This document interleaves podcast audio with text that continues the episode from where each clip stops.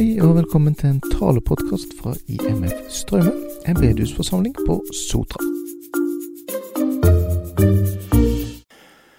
God søndag til hver og en av dere. Både dere som jeg ser her i salen, store og små, og til alle som sitter hjemme og følger med. God søndag. God oppstandelsesdag. Det er nok utrolig fint at vi kan komme sammen den dagen når Jesus sto opp for de døde, og feire hans oppstandelse, synge om han og til han, og få høre hva han har sagt i sitt ord, Bibelen. Og Det er det vi skal gjøre nå i dag. Han som står her framme, han heter Ingvald Kårbø.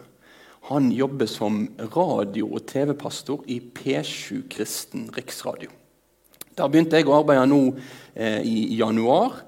og eh, har nå overlapping da med Jon Hardang, som har vært radio- og TV-pastor en god stund. sånn at vi nå arbeider ett år sammen før han trer ut av sin lønna stilling i P7 og går inn i pensjonstjenester. Det arbeidet i P7 er ufattelig spennende, og det gir noen muligheter. Jeg tenker Den våren vi har hatt her nå, den viser oss noe av viktigheten av og mulighetene med kristent mediearbeid. For vi har ikke kunnet komme sammen på denne måten som vi kan gjøre nå i dag. i løpet av de siste månedene. Men vi har fortsatt hatt radio, vi har fortsatt hatt Internett og vi har fortsatt hatt TV. Og Vi i P7 vi ønsker å være på disse plattformene for å møte mennesker. Både mennesker som tror på Jesus, så en kan få være styrka i troa på Jesus, men òg mennesker som ikke uten videre setter sin fot inn i et bedehus, inn i ei kirke, men så i bilen, i heimen, på veien, der de er, kan få skru på og høre noen ord ifra Jesus. Vi ønsker å drive et mediearbeid som kan forføre mennesket til Jesus og styrke mennesket i tro på Jesus. For min del så har jeg eh, begynt med en radioundervisningsserie som heter Ord til liv. Den går hver tirsdag og torsdag klokka 11 og 4. Så hvis du hører på vanlig radio, så er det hjertelig velkommen til å skru på og få med deg de programmene. Hvis dette her med å høre på vanlige radiosendinger er noe det ikke gjør så mye, så fortvil ikke. Du kan laste ned en P7-app og høre på alle programmene til P7 akkurat når du vil. Eller Ord til liv da finner du også hos de fleste sånne podkast-apper. Så i iTunes eller hvor det skulle være, så kan du laste ned der. Nå holder jeg på med Malakis bok. Det er jo spennende. Ei bok som vi sjelden taler om eller snakker om. Så hvis du vil høre mer om Malaki, følg med på Ord til liv. Men i dag, i dag er det ikke Malaki. I dag er det den neste boka i Bibelen, Matteusevangeliet, som er tema for dagens tale. Og Det er den aller siste teksten i Matteusevangeliet. Det er en tekst som, som, nok en del av oss kanskje har hørt en del, eller iallfall snakka en del om. Kanskje en del kan han utenat. Det er den teksten som blir kalt for misjonsbefalingen.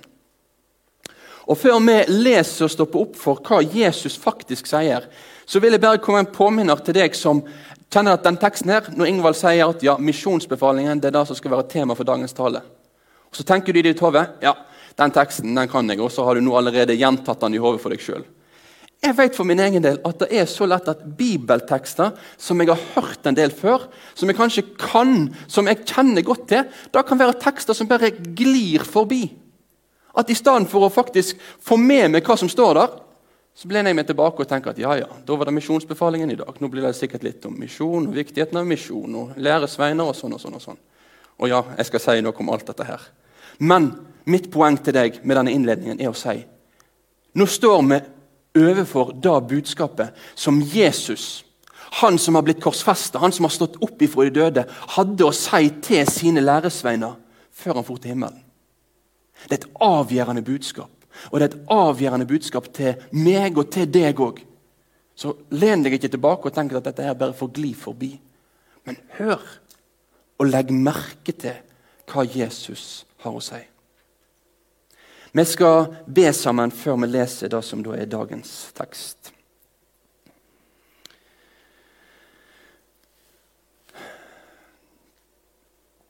Far, du som lever, du som råder, du som alltid har vært og alltid kommer til å være, som vi nå har fått lovprist og sunget til. Takk for at du er den Gud som taler til oss gjennom Bibelen. Som vi får samles om ordet til og nå denne formiddagen. Takk, Jesus, at du er han som kom. Du er han som kom for oss. Du er han som kom for å bære våre synder. Du er han som sto opp og for å gi oss evig liv. Takk, Jesus, for den du er, og det du har gjort. Og takk for det du har sagt. Og Nå ber vi om at du ved din ånd, far, kan få åpenbare Jesu ord for oss. Sånn at dette her ikke bare blir hverdagslig prat eller bare en liten sånn tilfeldig peptalk en søndag formiddag. Men at vi kan få se her at dette her, det er dine ord. Det er dine ord om hvem du er. Det er dine ord om hva ditt oppdrag er. Og det er dine ord om ditt løfte til oss. Herre, gjør oss stille, så vi får høre det du har å si. I ditt navn, Jesus, ber vi om det. Amen. Vi skal lese sammen teksten som da står i Matteusevangeliet, kapittel 28. Og det står i vers 16 20.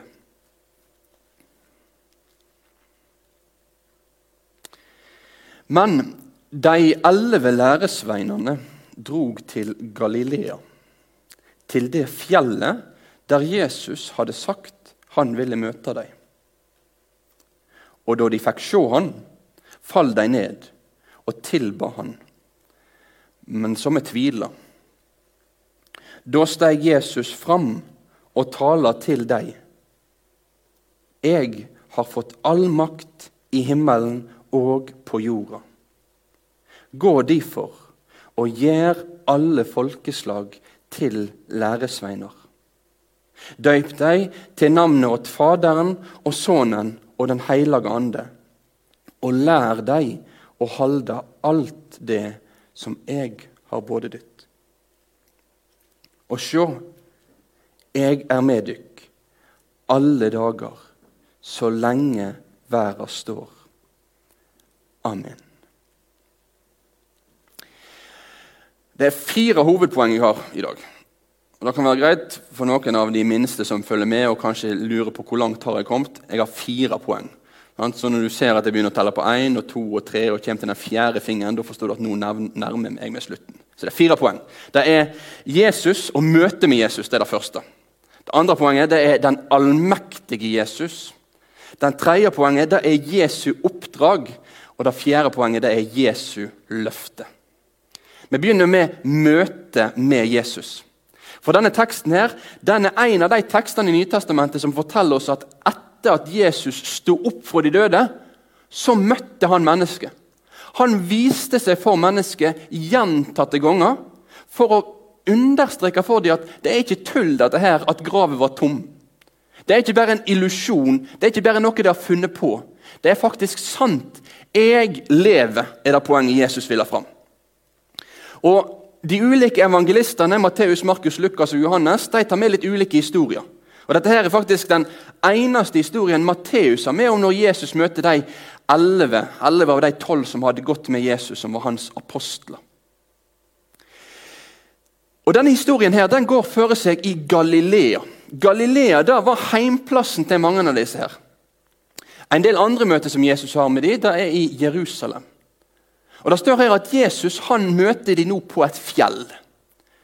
Nå skal jeg ta en liten sånn her, jeg kaller det en sånn geekeparentes. For noen av oss er litt mer nerder enn andre og liker sånne her spesielle detaljer. Og Det er en spesiell detalj som vi skal merke oss her. Jesus vil møte dem på et fjell. Så kan du gå hjem og så kan du lese Matteusevangeliet i dag, og så skal du se hvor mange ganger det står om fjell. Det står om Jesus han holdt jo den talen på et fjell, denne bergpreika. Senere viste Jesus sin herlighet for Peter, Jakob og Johannes på fjellet Forklarelsens berg.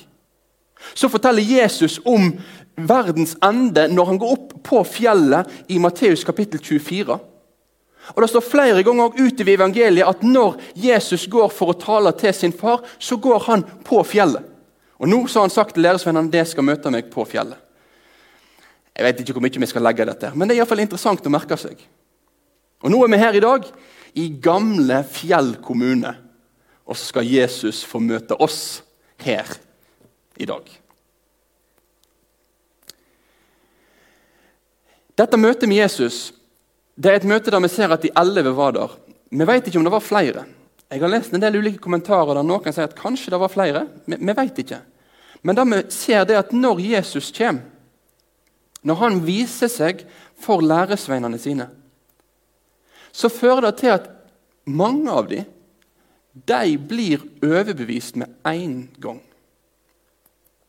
Mange faller på sitt ansikt. Mange tilber Jesus. Mange forstår at nå står han her. Han som vi har fulgt. Han som vi har trodd på. Han som vi får tilhøre. Nå er han her. Men så står det at noen tvilte. Men noen tvilte. En av de tingene jeg er utrolig takknemlig for med Bibelen, det er at Bibelen er en ærlig bok.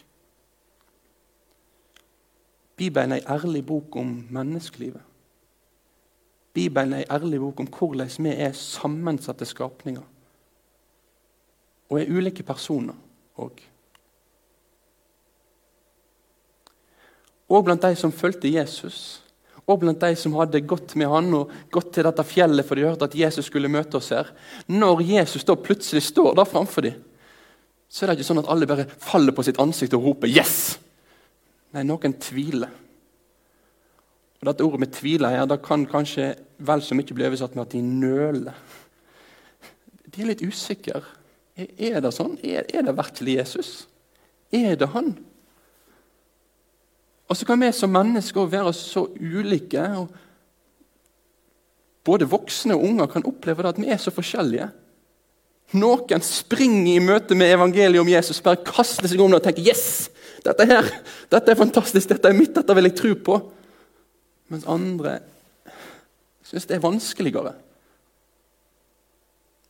Mange har spørsmål, ting en lurer på, som ligger der og kverner i hodet. Det fantastiske i denne teksten er at Jesus han er den som kommer til de som kaster seg ned, og til de som nøler. Jeg vil si spesielt til deg hvis du er en nøler. Se at Jesus han kommer til deg òg. Han bryr seg om dem. Han taler til dem. Og du skal få komme med din tvil, med dine spørsmål, til Jesus. Og så er det vårt kall som dine brødre og søstre også, til å gi rom for at du kan komme med dine spørsmål til oss, sånn at vi kan få ta dem på alvor. Vi må ha rom for spørsmålene. Vi må ha rom for en ærlig samtale. Vi må ha rom for at noen av oss har flere tanker som kverner i hodet. Og Det håper jeg at denne forsamlingen her òg gir stort rom til. Men Jesus han kommer med et budskap til deg. Han kommer for å understreke her i denne talen her, at jeg har faktisk noe å si. Det skal slippe å tvile på at jeg er den jeg har sagt jeg er. Selv om jeg kan kjenne det på innsida, så er budskapet på utsida egentlig veldig tydelig. Jesus understreker at sånn er det. Dette kan jeg få stole på. Dette kan jeg få hvile i. Og Nå kommer vi videre til det neste punktet. Fra møtet med Jesus til den allmektige Jesus. For Jesus han begynner nå med å si til læresveinene, både de som ligger på sitt ansikt, og de som står der litt mer på avstand, så sier han meg gitt all makt i himmel og på jord.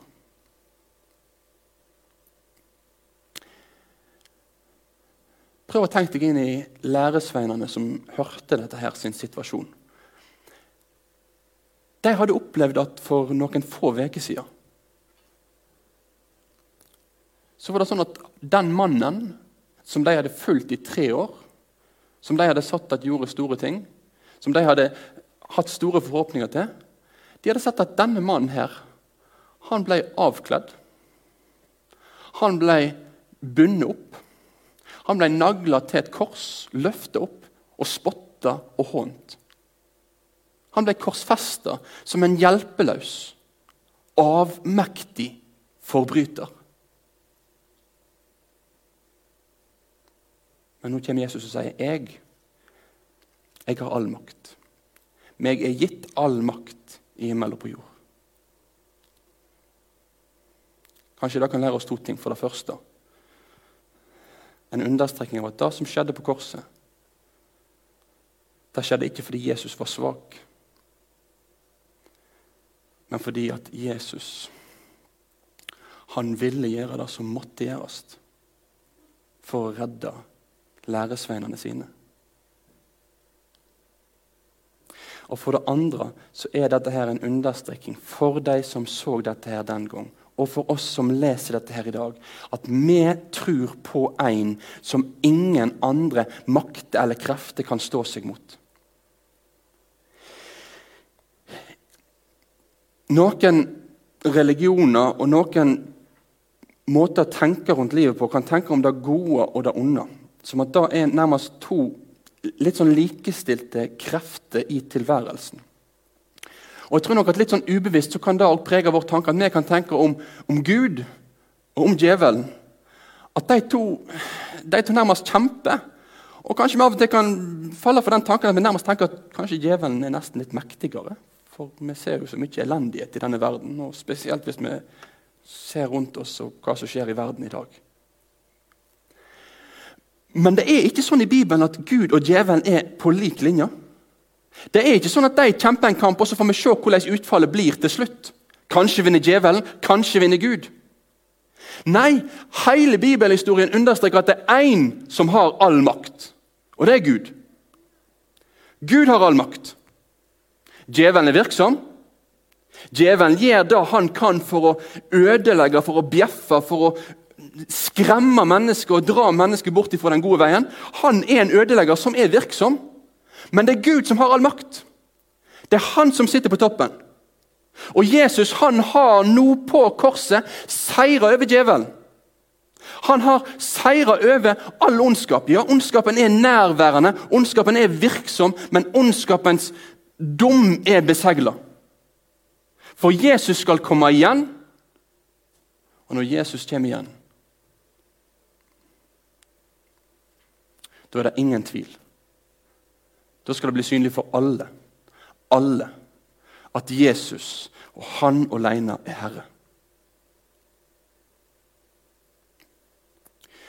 Du har å gjøre med den allmektige Jesus. Du har å gjøre med den Jesus som har all makt i himmelen og på jorda. Det er ingen tøyse-Jesus. Det er ingen avmektig Jesus. Det er ingen Jesus som kanskje kan, hvis han prøver å anstrenge seg litt. Jesus har all makt. Og denne understrekingen ville Jesus komme med til sine læresveiner. All makt i himmelen og all makt på jord.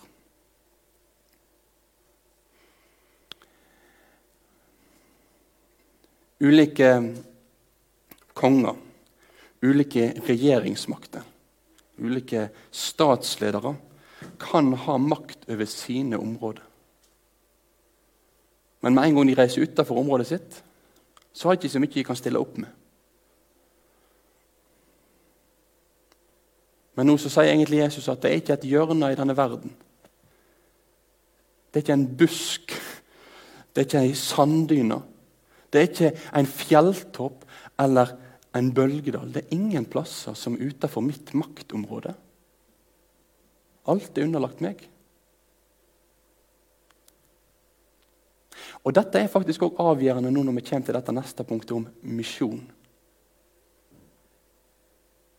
For faktisk så kan jeg vite da ut ifra Jesus' sin understrekning at jeg har all makt i himmel og på jord. At der jeg går, der er Jesus den mektige. Det er ingen dørstokk jeg kan krysse over som ikke er innenfor området til Jesus.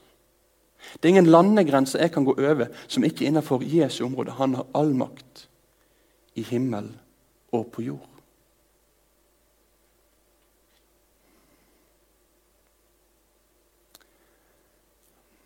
Hva motiverer oss til å drive misjon?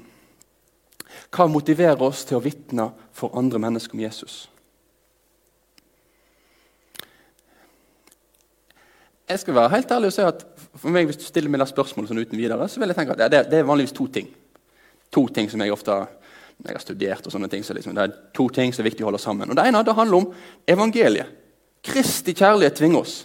Når jeg får høre om Jesus, så skjer det noe med meg. Hjertet mitt blir satt i brann. Når jeg ser Jesu kjærlighet til meg og til mine medmennesker, ja, så må jeg fortelle dem. For det hjertet er fylt av, da renner munnen over. sant? Det, det leser vi jo i Bibelen. Og det er jo helt sant. Evangeliet, de gode nyhetene om hvem Jesus er og hva han har gjort, det motiverer til misjon. Absolutt. Så det er på en måte ei sånn søyle ofte. Den andre søyla handler om informasjon. Det å faktisk vite hva som skjer. Det å faktisk vite om hvordan det står til rundt omkring i verden. Ofte blir det litt sånn sagt litt sånn på Det er ikke på fleip, det er jo helt på direkte alvor, men litt sånn samle et begrep at du blir ikke heit av det du ikke vet. Du må vite om hvordan det står til. Du må vite om nøden for at du også skal se at her må jeg få gå og fortelle om Jesus. Så Derfor så blir vi opptatt av at vi må fortelle Vi må fortelle om hvordan tilstanden er i Norge. Vi må fortelle om hvordan tilstanden er rundt omkring i verden. Sånn at de menneskene som har hjertet som er tent i brann for Jesus, kan gå der og fortelle om Jesus der så blir det ofte den andre pilaren. Og Begge disse pilarene her er utrolig viktige og djupt, djupt bibelske. Men det som gikk opp for meg når jeg har jobba med misjonsbefalingen denne siste uka, det er at i Bibelen er det en tredje pilar, ei tredje søyle som er så lett glemme. Og den er knytta til kong Jesus den er knytta til Jesu makt. For i misjonsbefalingen så sa faktisk ikke Jesus Jeg elsker alle folkeslagene. Gå derfor ut og gjør alle folkeslag til læresveiner. Han elsker alle folkeslagene. Det er ingen tvil om. Og Derfor vil han at vi skal gå ut. Det er heller ingen opplisting at dette er alle folkeslagene i verden. De skal det ta og gå ut til. Nei, det det er, det er en understreking. Meg gitt all makt i himmel og på jord. Gå derfor ut.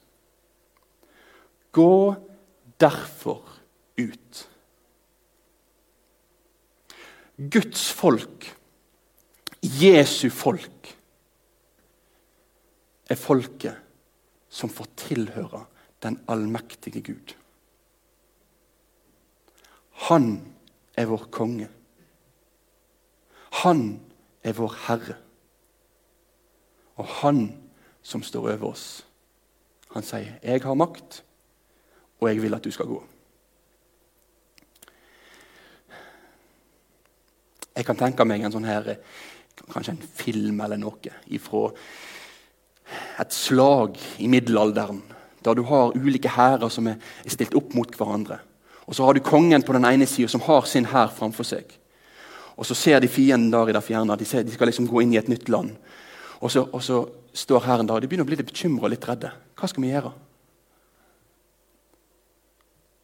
Hva kan være trøsten til kongen til folket i denne sammenhengen?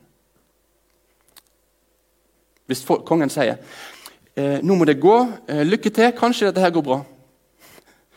Eh, lykke til, eh, kjør på, så ser vi. Eh, jeg, jeg, har ikke så mye å si der borte, så at, eh, vi får nå se hva som skjer hvis de tar og invaderer det landet. der. Nei, nei, det er ikke så mye. Lykke til! Kjør på!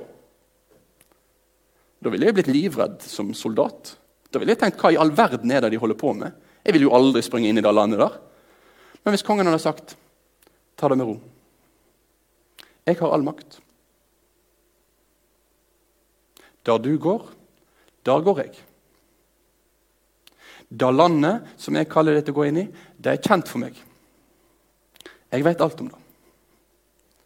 Jeg kjenner det fullt ut. Gå. Jeg har kontroll. Jeg har makt. Ingvold, dette skal jeg ta hånd om. så er det jo noe av dag som kunne fått være med og gi meg en trygghet. Tenk, Jesus har makt. Og jeg må si for min egen del i møte med min vitnetjeneste, om det er på en talerstol, om det er samtale med mennesker, eller hva det er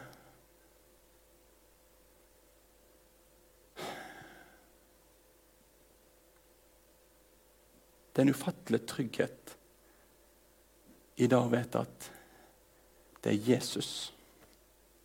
Det er Jesus som har makt. Det er Jesus som skal få virke. Han kaller meg til å så, han kaller meg til å vatne, men han er den som skal gi vekst. Kanskje du kjenner det som meg at det er vanskelig å snakke med mennesker rundt deg om Jesus. Kanskje dette kan få være en påminner til deg òg. Tenk, Jesus har all makt. Den situasjonen, det møtet, det som kan bli en pinlig samtale, der du kan kjenne på skam, der du kan kjenne på at du får spørsmål som du ikke klarer å svare på. Jesus er den mektige. Du skal få peke på han, så skal han få ta seg av sitt ord. Og Dette fører vi da videre til det neste det neste punktet som handler om Jesu oppdrag. Eller jeg kan nesten si det på en litt annen måte. Det handler om Jesu verktøykasse. Så da er vi på punkt tre.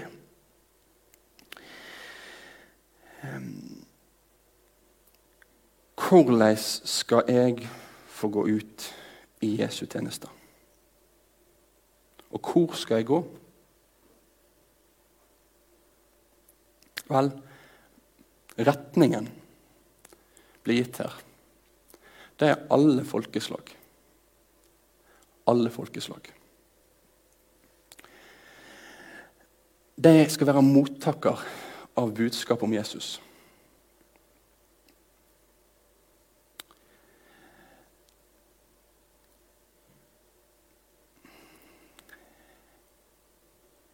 I verden i dag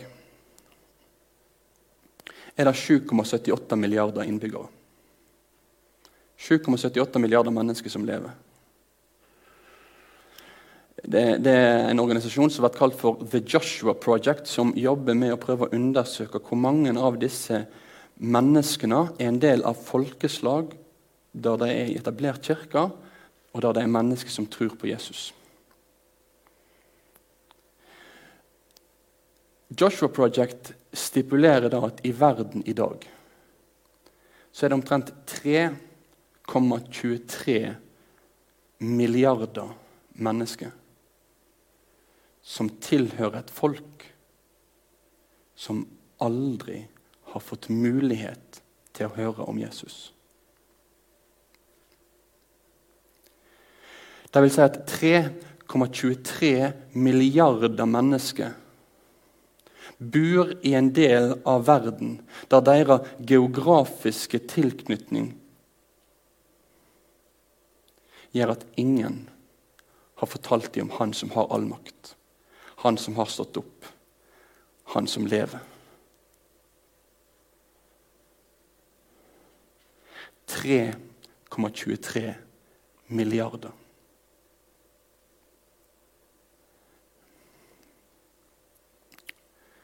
Nå står jeg i en indremisjonsforsamling. Og jeg vil bare gi henne den påminneren Glem ikke de unådde, selv om hjertesaken kan være arbeidet i nærområdet.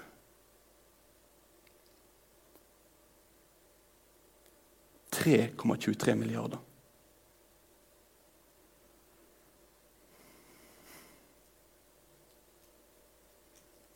Jesus, han har dødd for deg måtte de få høre om han. For hvordan kan de bli hans? Hvordan kan de bli hans læresveiner? Jo, Da kommer vi videre til denne verktøykassen knytta til Jesu oppdrag. For Jesus han sier nå til læresveinene sine at i dette oppdraget som jeg kaller dere inn i, så er det, det er to verktøy jeg gir dere. Det er to sånne hovedoppgaver. Det er ikke noen sånne fancy strategier eller mye rundt omkring. Nei, det, det, er egentlig ganske greit. Det er to ting. Jeg skal døpe dem til Faderen, Sønnen og Den hellige ånds navn. Og det skal lære dem å holde alt det jeg har befalt dere. Sånn gjør det mennesket til disipler. Disippelgjert er hovedoppgave. Disippel gjør mennesket. Gjør mennesket til Jesu læresveiner. Og Det skjer gjennom at de blir ført inn i samfunnet med Jesus, og at de blir opplært til livsvandringen med Jesus. Dåp og opplæring. Dåpen her blir beskrevet som en dåp i Faderens, Sønnens og Den hellige ånds navn. Nå skal ikke vi bruke lang tid på det, men vi kan merke oss at dette er en av de plassene i Bibelen der alle de tre personene i guddommen blir nevnt. Fader, Sønn og Helligånd. Og så blir det samtidig sagt at de blir døpt i ett navn. Det står ikke at de skal bli døpt i navnene til Faderen, Sønn og Den hellige ånd, men i navnet, entall, til Faderen, Sønn og Ånden. Hvordan kan dette henge sammen? Jo, Det er jo da den kristne tanken om treenigheten kommer inn.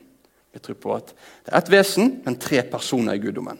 Det skal vi ikke bruke tid på nå, men bruk gjerne tid på å tenke på treenigheten. Men så står det om denne opplæringen.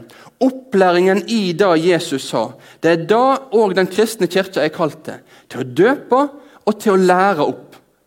Døpe og fortelle om Jesus, lære om Jesus, undervise om Jesus og hans ord. Bibelundervisning går aldri ut på dato. Bibelundervisning blir aldri gammeldags. Formene på det kan kanskje bli gammeldags. Innpakningen på det må kanskje tilpasses til nye tider. Men selve konseptet det at det er et ord som jeg tror er sant, som nye generasjoner må læres opp i, da er ett av de to uunnværlige oppdragene som Jesus gjør til sine læresveiner når de skal få flere mennesker til å bli læresveiner. Det er en opplæring i ordet. Og Dette handler både om vår tjeneste overfor andre, men det handler også om våre egne liv. Hvordan skal jeg få leve som en Jesu læresvein? Jo, da må jeg få leve i Hans ord. Da må jeg lære å holde alt det Han har befalt meg. Det er dette Jesus kaller deg og meg til, som hans læresveiner. Til å lære mer, lære mer, lære mer. Og ta det inn over oss, sånn at òg livene våre mer og mer får bli likedanne med Jesu liv. Så avslutter Jesus til slutt sitt, eh, sin misjonsbefaling med et løfte. Og Da blir det fjerde punktet. Jesu løfte knyttet til oppdraget. Hans løfte er 'Jeg er med dykk alle dager så lenge verden står'.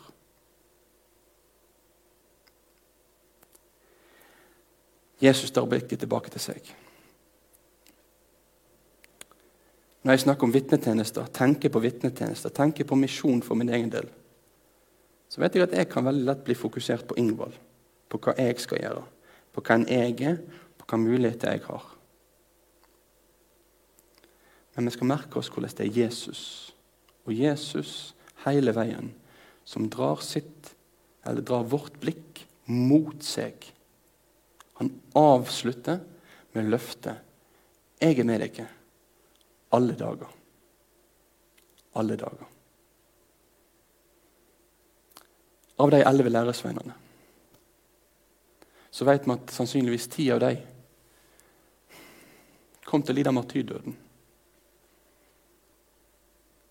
Den siste han ble satt i fengsel på Patmos. Det kom til å koste. Det kom til å koste mye. Men Jesu løfte var like sterkt. Han var med. For den veka som ligger framfor nå for din del og for min del. Ta med deg disse løftene og dette blikket til Jesus Han som har all makt, og over den veka som vi går inn i. Amen.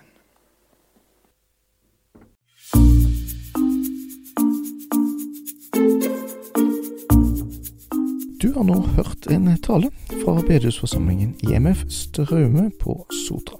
Du finner oss i Straume forum. Velkommen til å besøke oss der, eller se mer om oss på nettsidene imfstraume.no, eller på våre Facebook-sider.